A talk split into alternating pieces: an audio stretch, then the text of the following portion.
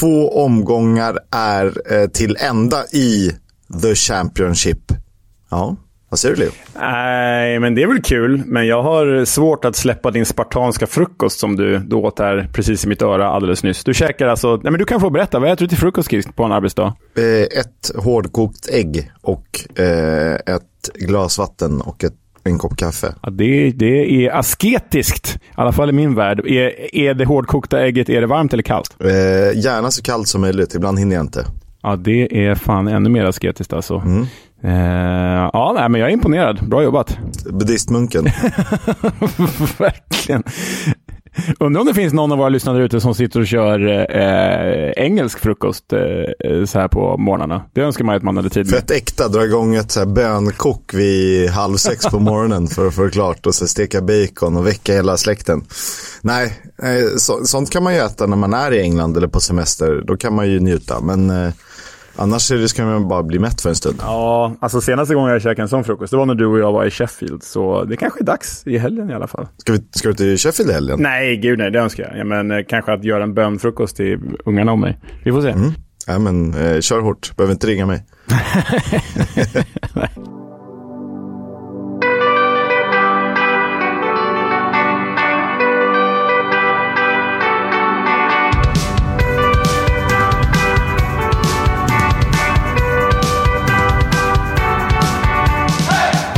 Du lyssnar på Footballs Coming Home, en podcast om Championship, League 1 och League 2. Med mig, Oskar Kisk och Leonard Jägerskiöld Welander, alltjämt närvarande.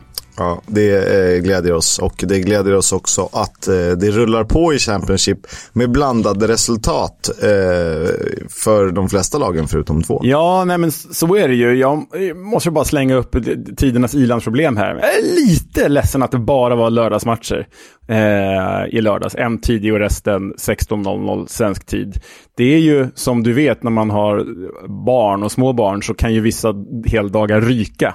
Eh, så det var svårt för mig att kolla på matchen här. Jag lyckades klämma en del av Coventry Middlesbrough, men eh, inte mer än så kan jag meddela. 13.30-matcherna på lördagar brukar ju hamna i kläm av diverse aktiviteter eller lekar. Um, mm. Och 16.00 eh, är bättre för det är ofta börjar närma sig middagstid, åtminstone för barn. Så då är det lite mer eh, rimligt. Eh, men det är klart, en söndagsmatch hade inte skadat. Nej, det hade varit välkommet den här helgen. Men så är det med det. Vi är ju pålästa ändå.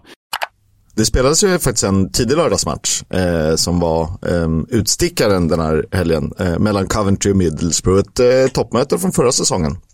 Ja, och ett väldigt speciellt möte för det här Kisk, det är ju helt knäppt. Men alltså, på, om man liksom går tillbaka till förra säsongen så, och om man räknar playoffet som liksom ligamatch inom citationstecken så var det här Alltså så innebar den här matchen mellan Coventry och Middlesbrough att i fyra av de fem senaste ligamatcherna har Coventry och Middlesbrough mött varandra. Det är ju sjukt ju. de möttes ju, möttes ju i slutet i ligan. Så möttes de i playoff dubbelmöte Just och så möttes de nu en omgång in. Så fyra av de fem senaste mötena. Eh, och Borough vann faktiskt, inte vunnit en enda av de här fyra. Nej, eh, du pratade om det att ha en bra run-in och det gjorde, vilka det nu var, eh, till dina favoriter i, playoffet. Och det visade sig vara så, för Middlesbrough avslutade säsongen med ganska kass form. Eh, och har ju faktiskt öppnat den här säsongen med ganska kass form. Ja, det får man säga. De ligger ju sist i ligan. Ja, de ligger sist. Men det känner de väl igen från förra säsongen i och för sig, så det där, hämtar de sig från. Men, men Coventry 3-0 mot Middlesbrough ändå. Mot, man får ju säga att inte bara vi, utan liksom expert-England har ju förväntat sig mer av Middlesbrough än av Coventry eh, den här säsongen. Men det här var ju, det var ju en jämnt i statistiken, men sett till hur liksom matchen egentligen utfördes så var det ju klasskillnad här. Eh, ja, det sägs ju det. Eh, Middlesbrough, lite speciellt här. Eh, man vet inte riktigt. Eh, de har ju gått och väntat på Shuba Akpom på något sätt. Samtidigt då Coventry skrivits ner mycket på grund av Victor Gyökeres som är eh, i Sporting och Gustav Hammer som nu då skrev på för eh, Sheffield United i helgen. Ja, och det här, så, så Hammer spelade ju inte den här matchen, men istället då så, alltså de som var bäst på plan det var ju Eccles och Chief på Coventry centrala mittfält. Så de klev fram där direkt och det var liksom första matchen från start för Van Ewijk som de värvade för 6 miljoner pund. Alltså den här nya ägaren, Coventry-ägaren, Doug King heter han va? Han har ju visat att eh, man satsar för Premier League, även om man, även om man då har sålt en del tunga namn så plockar man in dugliga ersättare. Och jag tycker det syns, för jag tycker Alltså visst, Gyökeres och Hammer, det var ju två av de spetsigaste spelarna hela förra säsongen. Men som trupphelhet det är kanske inte samma spets, men som trupphelhet har ju Coventry en liksom bredare och bättre trupp i år än förra säsongen. Ja, och om en tränare, eh, läs Mark Robbins, har satt sitt fundament klart och tydligt för övriga spelare och nya spelare så är det inte nödvändigt att det behöver bli sämre för att man plockar bort en stjärna. Sen är det såklart ganska tufft att tappa 31 poäng eh, i Gyökeres och x antal poäng i Gustav Hamer och eh, en av seriens bästa mittfältare förra säsongen. Men det, det kan ju fortfarande, mm, ja, ersätter du smart så kanske du får eh, bättre utfall. Ja, men eh, så här inledningsvis ser det, ser det ut så. Och för Coventry då så startade ju Ellie Sims och Matty Godden på topp. Och det var ju faktiskt Godden som gav hemmalaget ledningen. Med hans eh, mål för andra matchen i följd. Han satt ju ett mot Wimbledon i ligacupen också. Men det troliga är väl att Godden kommer vara trea den här säsongen när, när eh, Haji Wright spelas in från start. Mm. Eh, som gjorde ett eh, panginhopp, eh, målskytt i den 70 minuten. Så att det blev mål för honom direkt. Viktigt att Men Matt Godden är ju en sån här spelare som du eh, i princip alltid vet vad du får. Men eh, han, han, gör dig aldrig besviken när han sitter på bänken heller. Nej, men han är tre arga gnuggande plus hela tiden. Så är det ju. Och lite mål här och där. Um, kan det vara så att vi övervärderade Middlesbrough eh, givet eh, Shuba Akpom, hur bra han var förra säsongen och eh, borde resignera eftersom han förmodligen inte spelar så mycket mer i Borough? Nej, alltså det här eh, var ju Shuba Akpom borta igen och nu vet vi ju att han har, eh, jag vet inte om han är presenterad av Ajax än, men det är långt gångna förhandlingar med. Är han presenterad av Ajax? Eh, jag har inte sett eh, bilden, men han verkar ju vara klar inom citationstecken. Ja. Nej, men så här, vi tippade väl Middlesbrough tvåa till och med tror jag. Ehm, och det, bygg, det tipset byggde väl mycket på att de skulle behålla Schuba Akpom och att de skulle, fönstret är fortfarande stängt, hitta sådana här härliga deals som de gjorde förra säsongen i Cameron Archer och, och Aaron Ramsey och, och, Ryan Giles. De har fortfarande inte gjort det och nu ska man alltså hitta en ersättare till Schuba Akpom. Händer ingenting mer, nej, då är nog Middlesbrough inte favorit att komma tvåa, inte ens i vårt tips. Men lyckas de få in en tre, fyra namn på två veckor. Så då kanske de, beroende på vilken namn det är, då kanske de ska vara en kandidat för topp två ändå. Grunden finns ju där. Michael Carrick är en skicklig tränare. Eh, sen kan det hända saker på vägen, men eh, som du säger, jag håller fortfarande dem som en, en toppkandidat. Men vi ska väl göra som vi brukar och ehm, revidera vårt tips och kanske skriva om några placeringar eh, när fönstret är färdigt. Ja, men det tycker jag. Och sen, sen um Eh, har vi säkert undervärderat Coventry, men jag kommer också tänka på förra säsongen, hur lätt det dras med av de här tidigare resultaten. Alltså, kom ihåg West Brom och Middlesbrough var ju båda liksom nedflyttningshotade långt in på hösten. Och så satt vi ju då med, eh, i oktober så ledde QPR-tabellen och Reading låg typ på playoff. Och sen slutade det som det slutade. Så det, det går ju eh, ganska fort i den här serien ändå. Eh, vi ska inte dra för stora växlar än. Men det är ju oroväckande att om man liksom räknar med våren igen och, och, och ligamatcherna bakåt så har ju alltså Borough inte vunnit en enda av sina sju senaste ligamatcher. Jag vet att det här blir den här klassiska Haglund och Nora Henriksson. Eh, vad är, nio poäng vad är på nio matcher. Nio Va? poäng på nio matcher? Ja. det blir ju sånt räknat, men jag tycker ändå finns en poäng här att eh, det är ju någonting som inte riktigt klickar för Borough eh, på ganska många matcher nu. Eh, ibland kan jag eh, till, det handlar om att vara, eh, vara redo i slutet av juli, början av augusti. Men det är ju ganska tidigt också. Och sen är det liksom nästan en månad kvar av fönstret när säsongen sparkas igång. Så att halva eh, det man eh, räknar med startelvan skulle kunna vara borta. Ja, ja, ja. Vilket har hänt i vissa fall eh, av konkurrenterna där uppe i toppen. Det var ju faktiskt första gången sedan 2007 som Borough eh, förlorade två raka matcher i säsongsinledningen. Så att eh, eh, något är ruttet där borta. Mm. Får hoppas att Steve Gibson har förtroende för Carrick längre tid än så här, för det behövs nog. Vi tippade Borough två, de ligger sist. Vi tippade Leeds eh, som gemensam etta. De har ju inte heller plockat särskilt många poäng och de kammade noll när de gästade St. Andrews och Birmingham. Ja, och eh, matchvinnare blev ju Lukas Jutkiewicz, eh, den gamle räven som satte den avgörande straffen. Matchens enda mål i den 91 minuten. Och det är ju kul när en sån jäkel dyker upp i ett ändå hyfsat satsande Birmingham nu. De satsar inte som Coventry, men för att vara jämför med Birmingham åtta senaste säsongerna typ, så är det här någonting annat. De har nya ägare, med värvat klokt, ett av säsongens, ett av sommarens bästa fönster sett till sina förutsättningar. Så det är kul att Lukas Jutkiewicz dyker upp, inhoppare och får sätta den här straffen. Och det var för övrigt hans 96 mål i, i The Championship i karriären. Och med det är han den spelare som gjort näst flest mål i serien av alla aktiva i The Championship just nu. Bara Jordan Rhodes har gjort fler. Så det här tycker jag var en kul bullet att se honom dyka upp. Han är väl typ topp sju eller någonting. Eh, ett gäng mål bakom Nugent och McCormack och de som eh, ju faktiskt skuggade bakom eh, Billy Sharp och Jordan Rhodes. Exakt. Eh, det är lite tufft läge för Leeds för att de har ju en Willy Gnonto som vägrar spela eh, då han vill flytta till Everton. Eh, han duckade också kuppen. De mötte väl Shrewsbury då va? Ja. Och eh, dessutom eh, saknas ju Luis Sinisterra.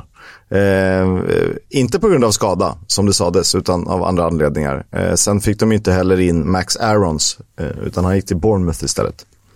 Nej, men det är ju riktigt tufft för Leeds, så vi kommer att prata mer om det i nyhetssegmentet. Men de tidigare ägarna, Andrea Radrizzani, som eh, min polare var på eh, samma bröllop med honom förra sommaren. Eh, var tydligen väldigt trevlig då, men han har skrivit väldigt eh, märkliga kontrakt som vi återkommer till, som har satt Leeds och Daniel Farke i den här situationen. Vi vi trodde väl mest på Daniel Farke givet att han har vunnit Championship eh, två gånger eh, tidigare. Eh, vi hoppas ju att eh, Leeds lyckas få in lite fler namn, för det behövs, för den här truppen håller på att utarmas. Ja, som sagt, mer om det i nyhetssegmentet. Speciell match för Birmingham det här Kisk. Alltså, i, före matchen så eh, hyllade de ju den bortgångne legendaren Trevor Francis. Han har ju satt avtryck i många klubbar, bland annat i Birmingham. Eh, men också så befann ju sig den nya delägaren Tom Brady på St. Andrews för att heja fram sin nya klubb. Eh, det fanns ju ganska roliga bilder när han gick in på en pub före match och stod och skrålade. Eller han skrålade inte så mycket, men det var en massa Birmingham-supportrar som skrålade med honom. Han såg ju lätt bortkommen ut där på puben i en väldigt stor Gunvald trenchcoat liksom med eh, grabbarna från, från orten. Nej, eh, han såg inte helt eh, van ut vid situationen. Nej, men eh, ändå spännande att han är där. Jag tycker det finns något positivt kring, kring hela Birmingham-projektet. Återigen eh, blir jag inte förvånad om de faktiskt lyckas nosa på en playoffplats framåt säsongsslutet. Mm, du får stå för det. Mm, det gör jag. Två lag som förmodligen inte kommer att nosa på några playoffplatser är Cardiff City och Queens Park Rangers. Och eh, tror fan att eh, QPR tog tre poäng. Ja, men herregud. Alltså, liket lever för att dra en klyschig klyscha. 2-1 till Queens Park Rangers borta mot Cardiff. Eh, men jag vet inte hur, hur Gareth Ainsworth lyckades med det här, för de lurade nog brallorna både oss och Cardiff. För tittar man på statistiken så har alltså Cardiff 15-7 i avslut och 65-35 i bollinnehav. Och ändå vinner QPR då, mycket tack vare den 20-årige eh, nigerianske irländaren Sinclair Armstrong, eh, som gjorde sitt första A-lagsmål för klubben och 1 plus 1 i den här matchen. Oh, this is um um, oh, oh.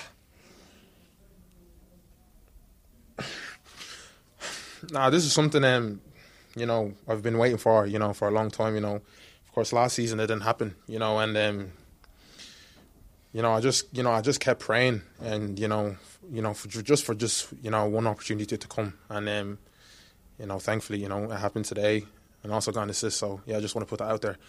Um, but yeah, I'm just um, I'm delighted with the result and yeah, um, hopefully more to come. Vilken kille och eh, på tal om favoritnamn, Sinclair Armstrong, det är ju det är fem plus. Ja, men det är 5 plus. Och om jag har förstått det rätt så har ju liksom fansen kring Loftus Road trott ganska mycket på Sinclair Armstrong eh, ett par år. Han eh, har ju varit utlånad till liksom, lägre divisioner och gjort väl en typ 14-15 A-lagsmatcher förra, förra säsongen. Men, men eh, det är nu han kliver fram, nu får han spela från start och gör ju... intervjun är ju oerhört härlig för övrigt. Liksom. Och för, ännu mer om man ser den, för liksom lyser så härligt i ögonen på den. Finns uppe på vår Twitter om ni vill kolla på den. Men, men eh, de sätter stort, eh, stor tillit till honom och det gör ju Gareth Ainsworth också. För jag menar, Sinclair Armstrong från start innebär ju att Chris Willock sitter på bänken. Ja, eh, och det kan man ju tycka vad man vill om. Eh sådär, rent spelmässigt, alltså det är jättekul att en eh, talang då får chansen. Chris Willock, när han var som bäst förra säsongen och QPR gick som tåget så var ju han kanske seriens bästa spelare. Eh, så han har ju inget på en bänk i Championship att göra, så enkelt är det med det. Eh, QPR har ju lite svårt att slå passningar. Halva startelvan lyckades inte ens slå 20 passningar var i den här matchen. det låter ju ganska lite, eh, man skulle vilja sätta det i kontext. Mm, alltså, det beror ju på var ja, ett, snitt. snitt. Men det beror ju på vilken typ av lag också. Men, men alltså det, man brukar slå typ 60 i alla fall tror jag. Om man, är, om man inte är Xavi eller Iniesta, då slår man ju liksom 300. Men, men, men eh, nej, det är väldigt dåligt att inte ens slå 20 lyckade passningar. Det kan du och jag göra i en, i en match för QPR. Uh, ja, jag vet inte, jag skulle bara springa i djupet. Det är väl enda fördelen med att spela under Gareth Ainsworth, att man kanske får lite djupledsbollar att jobba med. Uh, Cardiff då, uh, din gamla favorit Carlin Grant har ju sett riktigt svag ut här i inledningen för dem, men Ike Ugbo som kom från Troyes inför säsongen. Han gör mål för andra matchen i följd. Ja, med alla Ramses och Grants och Robinsons och, och så vidare så är det Ogbo som gör målen. Kanske honom de ska tro på. Det var ju faktiskt väldigt nära 2-2 också, eh, vilket ju naturligtvis hade varit mer rättvist. Men ehm, tre poäng är tre poäng och det är väl klart att man, eh, de här blir viktiga, alla um, stöksegrar för QPR. Verkligen. Huddersfield är ett lag vi har tippat i botten. De ligger i botten efter två omgångar. Det känns väl som att eh, så kommer det vara. Nu möter de tufft motstånd i form av Leicester och en nykomling eller ett nyförvärv som verkligen har stuckit ut här under säsongsinledningen. Ja, men det är ju, så får jag ändå slå mig själv på, eh, stolt på bröstet här, men det är min favorit Steffi Mavididi som härjat i Montpellier de senaste säsongerna. Nu blir han matchens enda målskytt och det var omvända roller för eh, nu är det Dewsbury Hall som spelade fram honom. Eh, I premiäromgången var det Mavididi som spelade fram Dewsbury Hall. Stor show, inblandad mycket från från sin liksom anfalls-vänsterkantsposition, Steffi Mavididi, eh, i en match som Leicester dominerade fullständigt egentligen. Ja. Uh, och han fick ju ha stor show uh, i Iana Nacho istället från, uh, från start istället för Jamie Vardy. Um, att lägga märke till där uh, Huddersfield nu åkte på sin tredje raka förlust om man räknar in ligacupen och det ska man väl kunna göra. Eh, det är lätt att stå här, men eh, Neil Warnock var det rätt. Och då menar jag inte ett EFL-podden vi hatälskar och kära Nock-sätt. Eh, Nej, alltså Fråga, givet att han lyckas hålla dem kvar som han gjorde i våras, så förstår jag att man kritar på ett längre kontrakt med honom. Jag förstår att han får blodad tand och vill fortsätta. Men har man sett Nock de senaste säsongerna så är det just de här släcka bränderna han är så jäkla bra på, som han gjorde i våras. Ett längre projekt, som i Middlesbrough, som i Cardiff, det har ju liksom inte funkat på sistone. Eh, så det var, det var kanske fel val av Huddersfields eh, nya styrelse. Men jag frågar mig också, vem skulle de få in annars? Alltså vad hade de för alternativ? Jag vet inte om det fanns något mycket bättre. Alltså, taskigt att säga, det kan inte ha funnits mycket sämre. Men precis som du säger det, eh, han ska ju vara en möjlig räddningsplanka när det har kört fast helt och bara kommer in och kastar lite skor och skriker och, och, och klappar några andra medhårs. Eh, för den erfarenheten måste vi ändå ge honom att han har. Som när man anställt Roy Hodgson till olika eh, projekt även i Premier League. Det är lite samma. Eh, det, det finns ju erfarenhet och rutin, men sätta ett grundspel och börja utveckla det och titta på sikt, då eh, borde det finnas andra alternativ. Ja, absolut. Leicester ser bra ut under Enzo Maresca. Ett av två lag blott som har plockat sex poäng. Ja, det är bara två matcher in, men, men det känns som att eh, vi kanske har övervärderat eh, Leeds givet turbulensen kring klubben. Eh, Leicester satte vi väl ändå trea, men det känns jäkligt stabilt för att vara en helt ny, ny liksom, tränarstab. Det känns, känns som att de har kanske inte träffat de här Guardiola-höjden än som Maresca kommer ändå med bakom sig, men de känns ju ohyggligt stabila. Och sen är ju truppen bäst på pappret nu när Leeds utarmas. Um, ja, nej, men det blir spännande att följa Leicester om de bara kliver rätt upp igen. Mm. Målkalas blev det när Hull tog emot Sheffield Wednesday 4-2 slutade matchen och mycket tack vare hattrickhjälten Ozan Tufan. Ja, alltså den här turkiska eh, offensiva mittfältaren har ju i den här säsongsinledningen fått spela anfallare bredvid eh, eh, vad heter han nu då? Eh, sonen, Liam Delap. Eh, och de två verkar hitta varandra ganska bra. Liam Delap gjorde inget mål i den här matchen, men Ozan Tufan stod ju för tre, en straff och så två baljer varav hans andra balja Kisk. Ja. Vilken vilken rackabajsare, för att citera Niklas Holmgren. Herregud, vilken fullträff. Ja, men de alltså. har det rätt bra framåt och då har de ju ändå... Estopignan på bänken. Exakt, och Aaron Connolly i, i någon slags eh, rulle. Ja, som hoppar in och gör mål här också. Eh, imponerad av Hall. De hade ju, första omgången hade de lägst eh, XG av alla och de kämpade ju rätt mycket med målproduktionen under våren när Liam Rosinho liksom stängde ner och hade ett av seriens starkaste försvar. Men offensivt var det problematiskt. Och nu det här. Vi får väl hoppas för Halls skull att det beror på att de börjar hitta rätt och inte för att Sheffield Wednesday är totalt genombedrövliga. För det var ju faktiskt så att Sheffield Wednesday tog ledningen den här matchen genom Juan Delgado och att det var 1-1 i paus. Men sen bara eh, rasade de ihop som ett korthus ja. egentligen. Eh, Sheffield Wednesday, ja.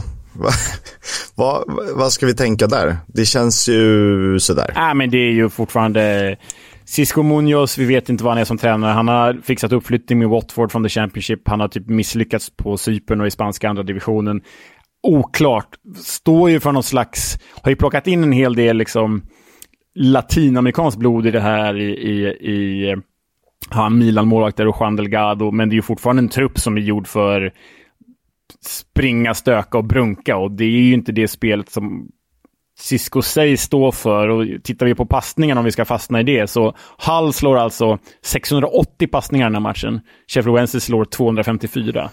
Alltså, och nog för att ett bra Hall som ändå visade tendensen under förra säsongen, men det är, det är liksom inte ett, vi pratar inte ett eh, Serie A-toppen Hall. Nej, nej men de möter ju inte, alltså de möter ju inte det är ju inte Southampton det här, utan det är Hull som kanske kan komma sexa på en bra säsong. Äh, Sheffield Wednesday, eh, låt oss säga så här, vi önskar oss mycket mer av Sheffield Wednesday. Ja, eh, vi är glada om de klarar sig kvar. Så är det. Ja, eh, ska vi gå vidare och lämna eh, Olsdebaclet bakom oss? Ja, det gör vi. Ett annat lag från nykomlingstrion, det var ju Sheffield Wednesday, det var Plymouth, det var Ipswich som gick upp. Ipswich, eh, WOW, wow. Ja, de leder The Championship, Kisk.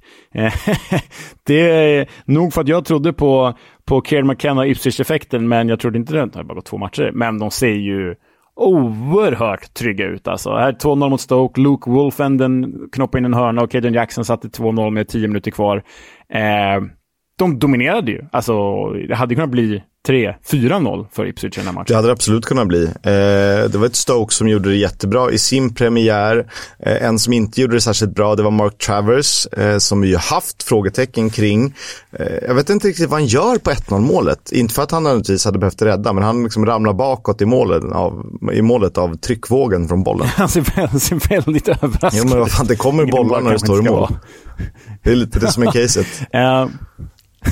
Stokes, jag vet inte om du såg, men Stokes tränare Alex Neil, han sa ju efter matchen att han nästan aldrig ger motståndartränare komplimanger och beröm. Men här var han tvungen att göra det för att Ipswich var så bra. Och det måste betyda någonting. Det är snyggt av de som har tippat dem som tvåa. Eh, att de skulle vara bra ändå kunde vi köpa, men så bra eh, känns det ju inte riktigt.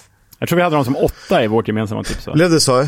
Nej, nej, 10, 11. Nej, nej, nej. De var på 13, 13 i vårt gemensamma tips. Jag tror att jag hade ja, dem 8. Jag tror att jag hade dem någonstans i mitten. Eh, kändes ändå rimligt. Samtidigt ja. har det gått två matcher. Man ska spela 44 omgångar till. Du ska ha alla dina sp eh, liksom, spelare skadefria och hålla startelvan intakt. Och eh, det finns väl olika eh, möjligheter för olika klubbar att kunna förstärka och ändra på det här. Men det är klart, Ipswich ser jättebra ut hittills. Hatten av.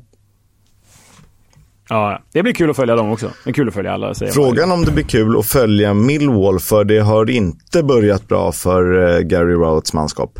Nej, alltså framförallt offensivt. Jag menar, vi vande oss vid en Sian Fleming som kunde luckra upp eh, eh motståndardefensiver förra säsongen, som kunde avgöra matcher på, e på egen hand egentligen. Men eh, eh ja, 0-1 hemma mot Bristol City imponerar ju inte. Sen vann de i och för sig premiären borta mot Middlesbrough, men eh, eh, Ehm, lite Oklart läge. Ja, men lite oklart läge. Jag, det här tyckte jag var en riktigt svag tillställning i alla fall. Och liksom The Den, vi vet ju vad Gary Rowetts manskap är på The Den. I princip oslagbart. Och nu förlorar mot Bristol City här.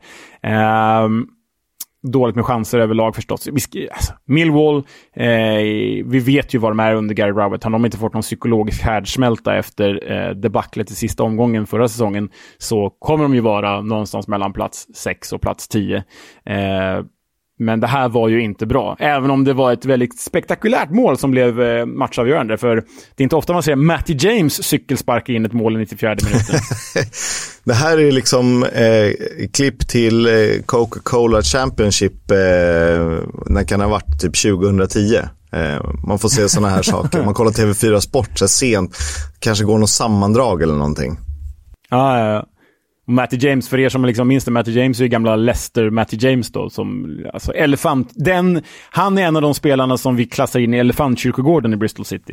Eh, de är ett gäng, Andy King, bland annat Andy Weimann. Ja, Andy Weimann och ja, det, det är ett gäng. Men eh, starkt av Bristol City om vi ska vända på det, för de spelar ju den här matchen utan Alex Scott som gick för stora, stora pengar till Bournemouth. Mm. 23 miljoner pund tror jag.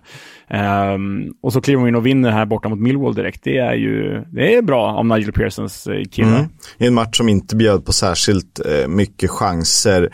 Det som det pratades mest om, likt Birmingham, det var ju att eh, det här var en tillställning, inte till, det kanske är fel ord, men för att eh, hedra den tragiskt bortgångne ägaren John Burleson, eh, amerikanen som då eh, styrt Millwall med väldigt, väldigt positiva ordalag. Och en amerikan i Bermondsey känns ju tveksamt, men han lyckades eh, bli omåttligt populär.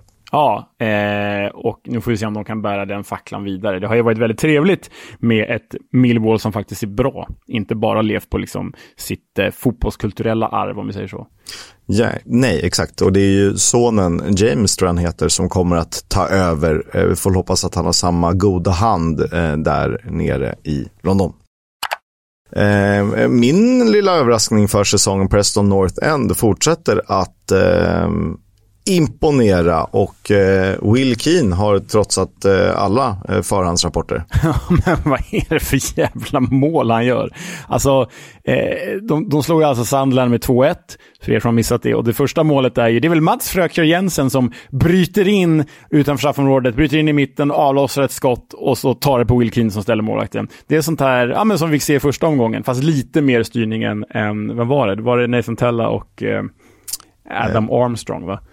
Eh, ja, exakt. För det var Tella som gjorde det, Armstrong som fick det. Ja, men det, han blir ju, Will Keane blir ju skjuten i röven här och så är det 1-0. Eh, men det är ett måltjuvsmål, det får man säga. Ja, men fira är som Pippo Inzaghi. Det är klart man ska göra det. Det handlar om att vara sist på bollen. Det är inte jag som har skrivit reglerna. Nej, det är sant. Men, men det verkar vara en jävla duo där, för Will Keane gör 1 plus 1 i den här matchen och Mads Frökjör Jensen, Odensevärvningen, gör också 1 plus 1.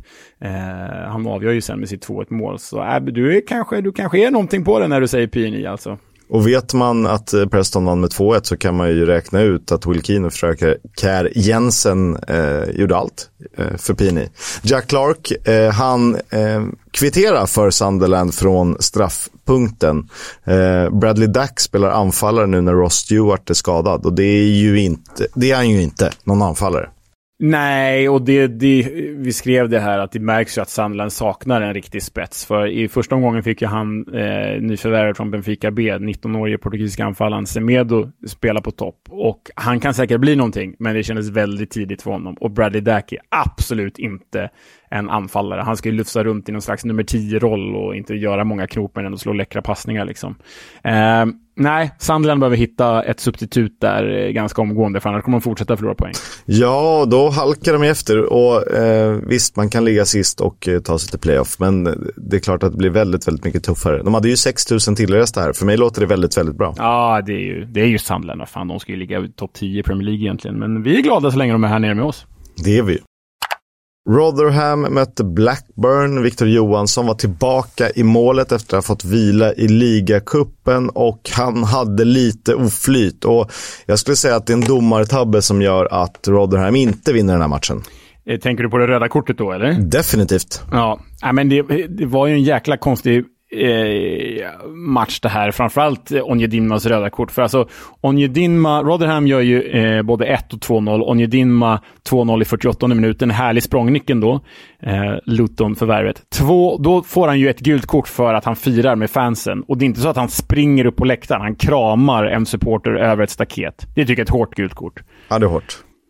Två minuter senare Eh, eh, är han inblandad i en situation där jag tycker att han kanske ska få, liksom, eller jag tycker han har rätt. Jag tycker att han ska ha frispark och att motståndaren ska kortas. Eh, och då gestikulerar han mot domaren. Ge honom kortet. Det, den skiten tar inte dom och så är han då Onjedin med sitt andra gula kort och därmed ett rött kort. Jag tycker det är två väldigt hårda gula kort där. Ja, alltså jag undrar om jag någonsin har sett en, en svagare protest som har genererat ett gult kort för den spelaren som klagar. Alltså, om man kommer ihåg Sebastian Larsson eller spelare som Marcus Rosenberg, ibland som Magnus Eriksson som kan vara framme och, och munhuggas med domaren i, i allsvenskan. Det är ju tio resor värre än det Fred Onjedimma påpekar. Han liksom markerar som ett gult kort i handen. Eh, och det är inte att han är aggressiv heller. Sen tycker inte jag det första heller är gult kort för att han springer ut mot publiken och blir liksom meddragen av sina medspelare. Ja, jag tycker det, det, det är... De ligger ju ändå på tiden så att eh, det är väl 47 övertidsminuter. Så det spelar ingen roll heller. Nej, nej, jag tycker det är väldigt, väldigt hårt. Och det blir ju, Rotherham tappar ju poäng här får vi väl anta att det är på grund av det. För det är ju en man mindre i 45 minuter ska de spela. Leder med 2-0. Det slutar 2-2. Eh, nej, jag tycker det är... Um, nej, det är, det är faktiskt bedrövligt. Eh, så. Och det innebär att Rotherham har fått rött kort tveksamt rött kort två matcher i rad. Ja, definitivt. Det känns ju som att så här, domarkåren har bestämt Rotherham ska ut. De ska fan inte klara sig kvar. Skit i svenska målvakten och de andra som kanske kan vara bra. Men nej, de ska inte vara kvar. Ut med dem. Ja.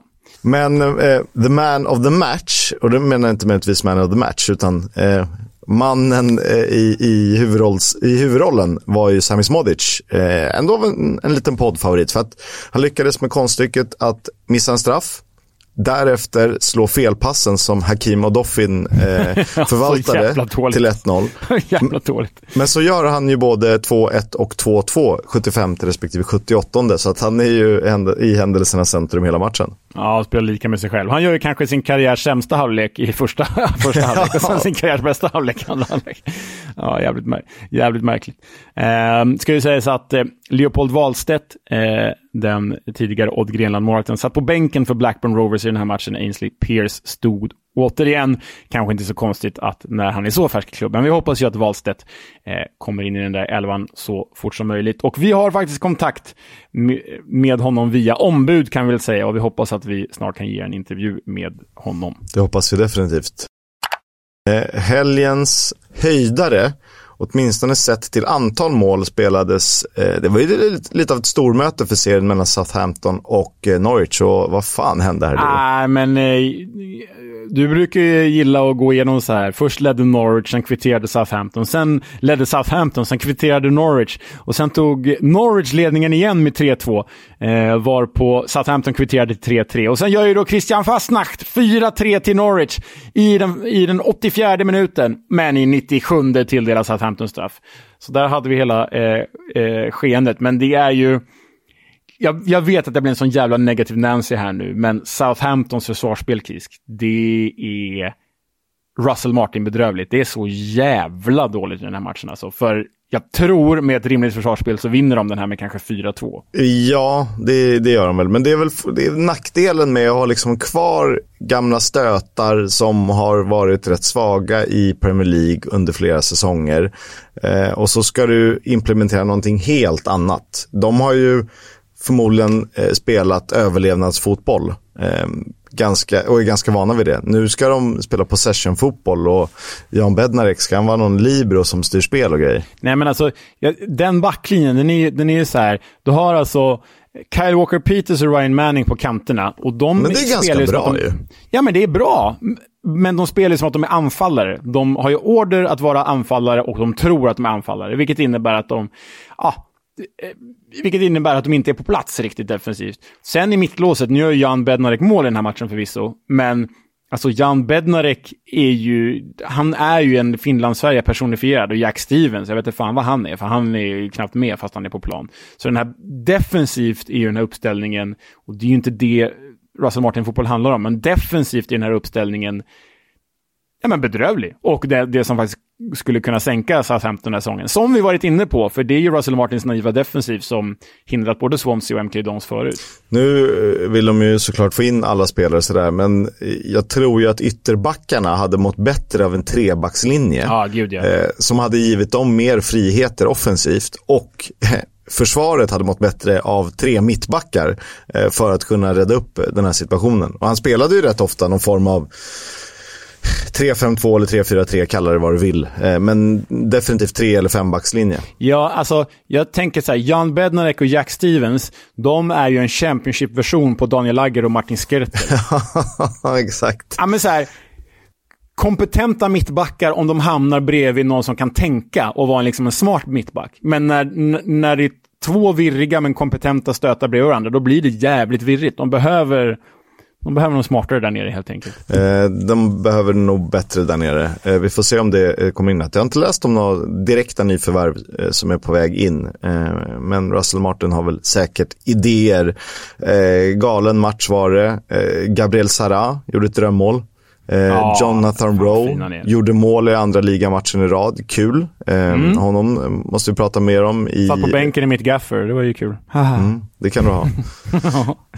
Footmob, som ju har en app och en sajt, eh, de hävdar att Southampton hade 105 som de kallar dangerous attacks. Jävlar. Det låter sjukt. Det låter helt sjukt. Vad, mm. vad innebär en dangerous attack undrar man ju då? Det var det jag försökte eh, söka mig in. Men eh, ni fotbollsstatistiknördkillar kan väl eh, hjälpa oss lite på traven här. Tycker jag verkligen.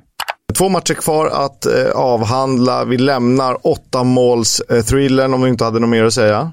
Eh, nej, det har jag faktiskt inte. Jag, jag eh, får bara slå fast att imponerad av Norwich säsongsinledningen då. Mm verkligen.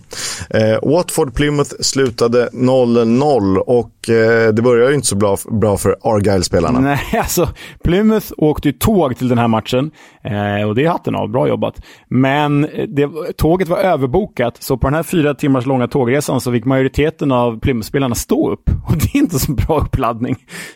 Det är ändå, det är ändå lite kämpigt att stå upp i fyra timmar på ett tåg ju. Det låter snarare som någon eh, typ Neil Warnock-bestraffning. Att ni var så jävla dåliga så ni får stå på tåget hela ja. vägen hem.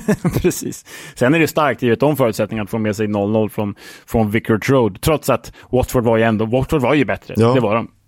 Det var de. Mm. Eh, sen har ju aldrig tidigare ett möte mellan just de här två lagen på Vicarage Road slutat mållöst. Så det var ju första gången för något. Och det är väl det här som är lite, lite faran med Watford. 4-0 eh, i premiären. Det var väl mot QPR och så 0-0 här. Och det kan bero på olika saker, otur och sådär. Men inte helt jämna för att vara ett definitivt topplag. Nej, nej, det är de inte.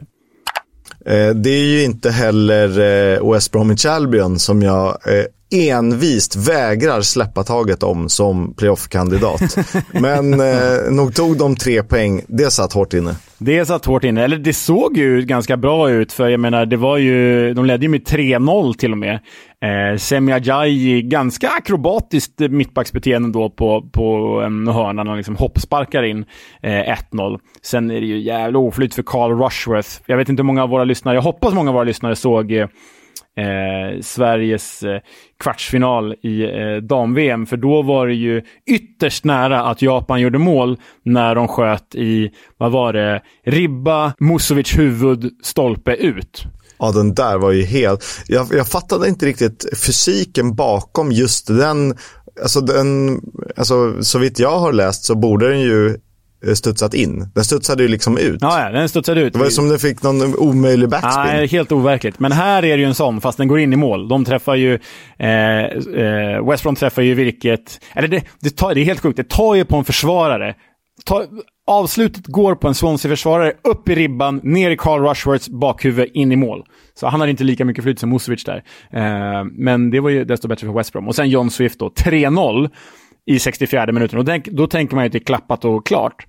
Men då tappar till exempel West Brom-konceptet och Swansea kommer igång och Swansea är två mål på sex minuter och det är nära att det blir 3-3. För det, det blev ju 3-2 till slut, men det, såg inte, det blev inte en stabil seger, så stabil seger som det borde ha varit. Nej, och annars är vi vana vid att se Swansea gå upp i ledning med 3-0 och sen rasa ihop. Eller möjligtvis liksom kriga sig till. Det känns som att de är rätt bra på 3-0 underlägen eller, 3, eller kassa på 3-0-ledningar. Ja, ja, verkligen. Det är nog störst differens. det är lag med störst differens där på siffrorna, det tror jag. Eh, den eh. det pratas mest om är Charlie Patino som ju är på lån. Han var ju Blackpool förra säsongen, blev publikfavorit, fin ramsa. Nu är han i Swansea.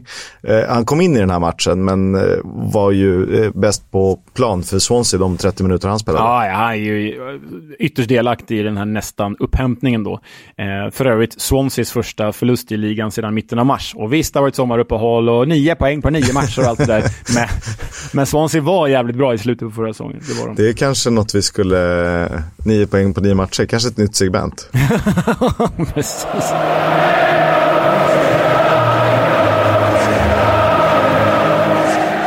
Footballs Coming Home sponsras av Stryktipset, ett spel från Svenska Spel, Sport och Casino. För dig över 18 år, stödlinjen.se. En tradition är en tradition. Sedan 1967 visas ju engelsk fotboll på svensk tv, mycket tack vare allas vår Lars-Gunnar Björklund. Eh, konceptet Stryktipset är ju faktiskt äldre än så, sedan 1934 och eh, vad passar väl bättre då än att landa i klassiska match 13. Den här veckan igen. QPR Ipswich. Floppen Queens Park Rangers eh, som vi ändå har eh, skrivit ner dem som inför Vann senast, nu tar de emot succé-nykomlingen Ipswich Town som jagar tredje raka segern i Championship. Ska man tro oddsen på de brittiska öarna så är det faktiskt rimligt att tro att Ipswich slutar topp 4 sett till den här fina säsongstarten. Och det tror vi inte direkt om Queens Park Rangers som lär spela fler matcher än de plockar poäng. Eh, kryss 2 här, tror jag. Vad tror du, Leo? Jag, jag, jag är ju på Ipswich-tåget, så Ipswich kommer ju vinna allt, eh, höll jag på att säga. Ipswich kommer vara bra. Eh, det jag ser fram emot i helgen, det är ett lite utspritt fredagsmatch, och det är ju ett Premier League-möte egentligen. Leeds mot West Bromwich, fredag kväll 21.00. Åh, oh, det är så bra. Hoppas nästan att min fru jobbar så att jag kan kolla på den. Oh! På fredag alltså? Ja, ja, ja. Leeds West Brom. Eh, för övrigt måste du och jag och Kevin ses över en match. Det kanske är den. Eh, värt att fundera på. Och sen den tidiga lördagsmatchen. Sydkustderbyt ändå. Plymouth Argyle mot Southampton. Den, eh, den kittlar i mig, för det känns som att det kan bli målrikt och eh, händelserikt. Oh, oh höjdare. Ja, men verkligen. Eh, ja, och det tar... Jag skulle kunna säga många fler. Jag skiter i det. De två får räcka. eh, gingen. Det är ju lite speciellt i Leeds och deras kontraktssituation, Leo, eller hur? Ja, det är ju så här att vi var inne på det under matchen då, men den tidigare ägaren Andrea Radrizzani som sålde klubben i somras, han har alltså skrivit kontrakt med många av spelarna i deras, under deras Premier League-säsonger som innebar att de innehåller klausuler som innebär att om Leeds åker ut så får spelarna lämna eh, på lån Eh, om det kommer liksom, eh, bud från högsta divisionsklubbar. Och det är ju liksom det som har hänt med Leeds den här säsongen. För jag menar, Leicester och Southampton har tappat spelare, men de har liksom tappat fyra, fem spelare för en miljard kronor. Leeds har tappat åtta spelare för under 100 miljoner kronor. Och det är för att de här lånekontrakten, låneavtalen har gått in. Alltså lyssna på det här. Robin Koch, utlånad till Eintracht Frankfurt. Maximilian Wöber, utlånad till Borussia Mönchengladbach. Eh, Jack Harrison, utlånad till Everton. Mark Rocca, utlånad till Real Betis. Christensen, utlånad till Roma. Brendan Aronson, utlånad till Union Berlin. Det här är inte skitspelare. Det här är för Championship väldigt bra spelare och som ni hör på klubbdestinationerna är det ju rimliga spelare. Men alla de får, går alltså på lån och Leeds får inte in en, en krona för dem. Vilket är ju helt Alltså det, det är ju upplagt för att köra sin klubb i botten. Ja, och det här var ju kanske inte information vi eh, tog med i beräkningarna när vi satte vårt tabelltips. Eh, vilket gör att vi skulle vilja revidera. Hade vi vetat det här så tror jag att jag hade satt Leeds utanför topp 6. Eh, vi får väl göra vårt reviderade tips då när fönstret har stängt. Men, men det är ju ytterst alarmerande. För det betyder ju att de har fler spelare som kan lämna på det här sättet. Säkert Crescencio Summerville, Luis Sinisterra, Willy Gnonto och så vidare. Och man blir ju inte populär när man försöker bråka sig bort från en klubb. Och då låter det faktiskt så här från Leeds-fansen.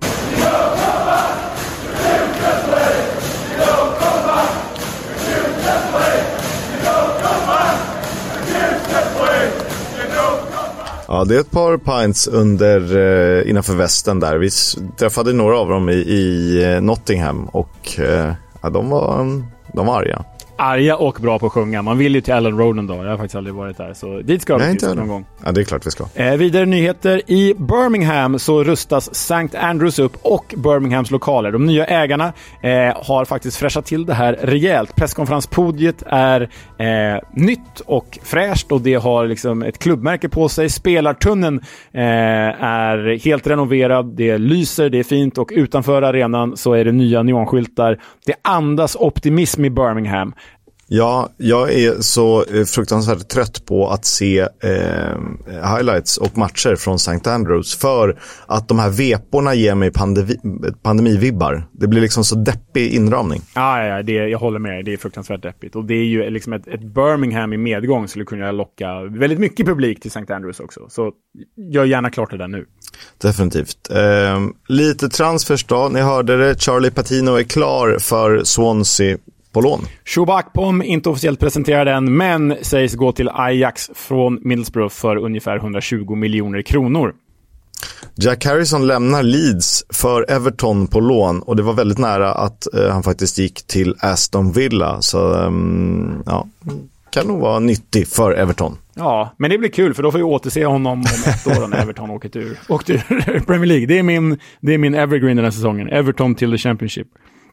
Eh, Gustavo Hammer lämnar Coventry för Sheffield United som vi vet kostar 15 miljoner pund och det dök upp eh, bilder på sociala medier där han firar eh, tillsammans med Coventry-supportrar på puben med att dricka en jäkla massa shots. Så det är kul att supportrarna liksom gläds med ja, honom. det är kul. Eh, Bournemouth eh, har gjort klart med Max Arons från Norwich som ju var eh, helt eftertraktad av Leeds och Alex Scott Guernsey-födde eh, poddfavoriten och superungdomen eh, från Bristol City. Eh, den senare går för 25 miljoner pund och man har nog rätt höga förhoppningar på honom. Det, det har vi onekligen. Vi tippar väl att han blir en engelsk landslagsman eh, inom en snar framtid. Eh, minns ni Sorikaba? Eh, anfallaren som Cardiff lånade in i våras från FC Midtjylland. Han är tillbaka i The Championship, eh, eller alldeles strax tillbaka i The Championship. Han är inte presenterad än. Men Birmingham sägs vara nära att lösa honom. Han gjorde väl 8 på 13 tror jag för, för Cardiff. Så eh, oerhört välkommet eh, eh, förvärv till Birmingham. Och jag ser verkligen fram emot att gå igenom transferfönstret sen, Kisk, har vår transferspecial.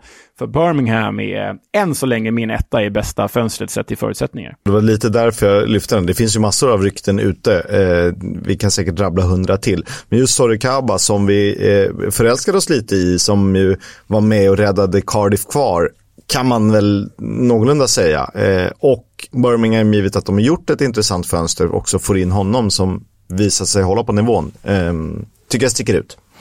Mm. Verkligen. Och vet du vad det blir dags för nu, Kisk? Berätta. Säsongens första RTN. Remember the name. Och det är din tur. Och det har faktiskt blivit dags att tala om Archie Gray i Leeds United. This is his first touch of the second half in the 55th minute. Oh, it's played short to Archie Gray. Lovely, lovely play from Archie Gray. What a drop of the shot. Och egentligen måste vi backa bandet eh, i den här historien till 1954 när Francis Tierney Gray föds i Glasgow. Som 17-åring flyttar han till Leeds i det som är slutet av Don Revy-eran, men eh, som en värvning för framtiden. Det blir en fight med Terry Cooper om vänsterbacksplatsen, där den sistnämnda ofta eh, är första valet. Efter att ha blivit ordinarie i mitten av 70-talet lämnar han sedan 1979 för Forest innan han två år senare återvänder till sitt Leeds. Man åker ur, men återvänder sedan till finrummet med brorsan Eddie Gray vid rodret. Han, eh, Eddie anses ju vara en av klubbens största spelare genom tiderna. Eh, Totalt då eh, blev det för Francis, eller Frank som han kallas, nästan, tre, eh, nästan 400 matcher för Leeds. Eh, och även om han lämnade 1985 så dröjde det inte länge innan nästa Gray tog över stafettpinnen. År 1996, då 18 år gammal, debuterar Andy Gray för Leeds i Premier League och imponerar. Eh, bland annat i ligacupfinalen samma år, trots förlust 3-0 mot Villa på eh, stort maner. Det blir inte jättemånga fler framträdanden för Leeds eh, och mycket handlar om konkurrensen med Tony Yeboah, Rod Wallace, Brian Dean och Jimmy Floyd Hasselbank. Jävla coolt lag det, det där. Det är supercoolt. Fy fan vad coola de var då. Ja. Så Andy Gray får se sig om, resan fortsätter. Det blir Nottingham, det blir Bradford, Sheffield United, Sunderland, Burnley, Charlton och Barnsley. Det här är EFL-porr. Innan eh, Andy Gray då återvänder för en säsong med Leeds i Championship i tidigt eh, 2010-tal, 2012 tror jag. Men dessförinnan, under tiden på Stadium of Light, har han blivit pappa till Archie Gray. En Archie som ansluter till akademin, Leeds då alltså, som åttaåring. Och i takt med att han imponerar allt mer ska Marcelo Bielsa ha önskat att han missade skolan för att kunna träna med A-laget. Bielsa. Känns väldigt Bielsa. En exceptionell talang som i december 2021, vid tiden då 15 år gammal, får sitta på bänken mot Arsenal i Premier League. Många hoppas på speltid. Tyvärr blir det inga minuter för honom där och då. Då är han given i det engelska U16-landslaget. Året efter blir han en del av U17-landslaget. Han spelade också med det gäng som representerade England i U17-EM i somras och är numera given i det Leeds som ska ta sig tillbaka till Premier League. Förutom ett byte på stopptid i premiären mot Cardiff har Archie Gray spelat samtliga minuter för Leeds den här säsongen, vilket inkluderar 90 i ligacupen mot Shrewsbury samt 90 i förlusten mot Birmingham. I Championship har bara en spelare som är 20 år eller yngre spelat lika många minuter och det är Callum Doyle. Archie Gray är en bolltrygg central mittfältare som hittills spelat som en av två sittande tillsammans med Ethan Ampadu. Han kan även användas i en lite mer framskjuten position. Eh, I form av talang har han jämförts med Sergio Agüero eh, och det var den tidigare sportchefen Victor Orta som drog parallellen efter en wow-upplevelse på träning. Så det är ingen positionsjämförelse men bara så här, okej, okay, man kan vara så bra när man är så ung.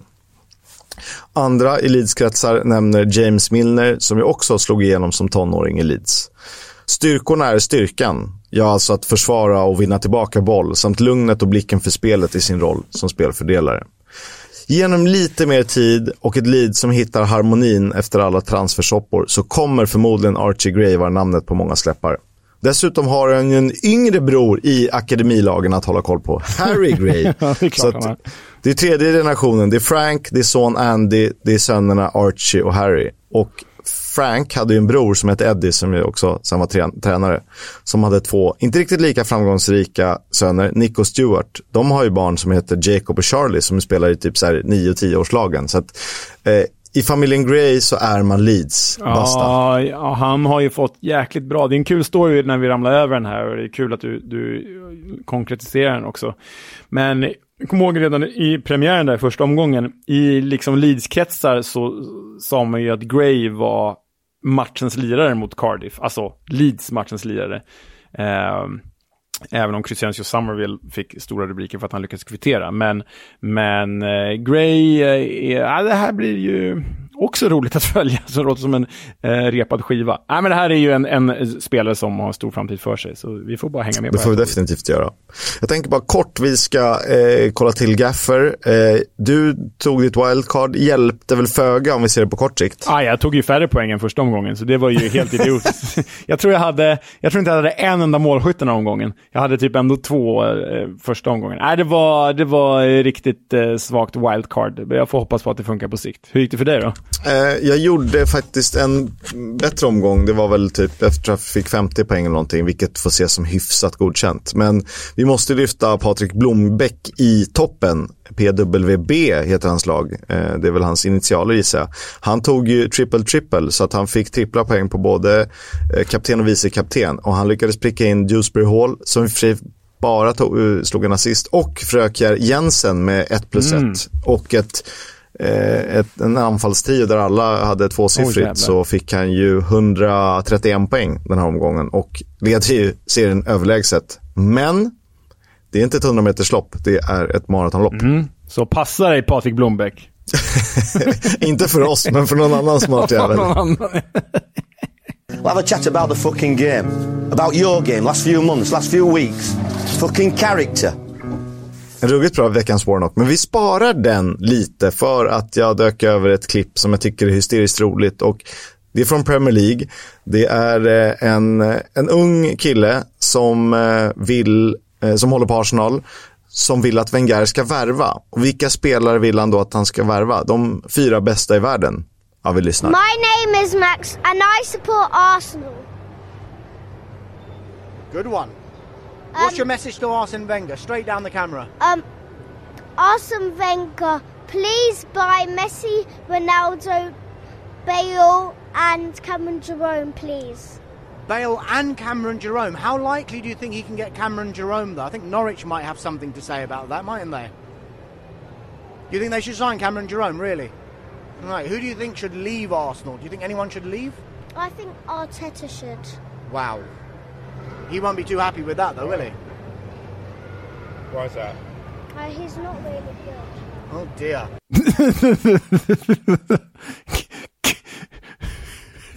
Hanna Cameron Jerome där undrar man ju. Det är otroligt. Uh, den där har jag inte sett förut. Den var kul, Chris. Den var rätt härlig. Messi, Ronaldo, Bale och Cameron Jerome. Och ibland kan man väl fasen hålla med. Ja, ja, alltså. I alla fall om vi är en Championship-klubb. Vi vill inte ha Messi, Ronaldo. De kan ju, de kan ju gå till sina Saudiarabien och USA. Vi Exakt. vill ju ha Cameron Jerome. Det är därför vi gör den här All we podden. need is a team of Cameron Jeromes. Du, innan vi säger hej då. Vi har ju ett gäng intervjuer på gång alltså. Eh, det, kan vi, det kan vi ju tisa med. Ska vi, vågar vi säga vilka det är eller ska vi liksom vänta? Ah. Nej. Ja, nej. Leopold Wahlstedt så håller vi på och jagar eh, och sen är det ju the usual suspects. Vi ska, vill prata lite Newcastle och Championship med Noah Bachner förstås. Mm. Det ska vi göra. Vi har sms-konversation med Ken Sema, så det löser sig förhoppningsvis. Eh, men sen är, det, sen är det två som vi är tämligen säkra kommer att bli av. Eh, en är redan inbokad i alla fall, så vi får väl återkomma till det. Eh, en är faktiskt en av våra kära lyssnare, men han, han har ju också spelarmeriter, så det blir kul. Det kommer bli ruggigt, ruggigt bra. Ja. Bra. Eh, hörni, stort tack för att ni lyssnade och är med oss och tycker till och hyllar och sågar när vi eh, förtjänar de respektive eh, ja, berömmen eller kritikpunkterna. Eh, Sprid ordet, ju fler som lyssnar desto bättre. Adjö. Hej!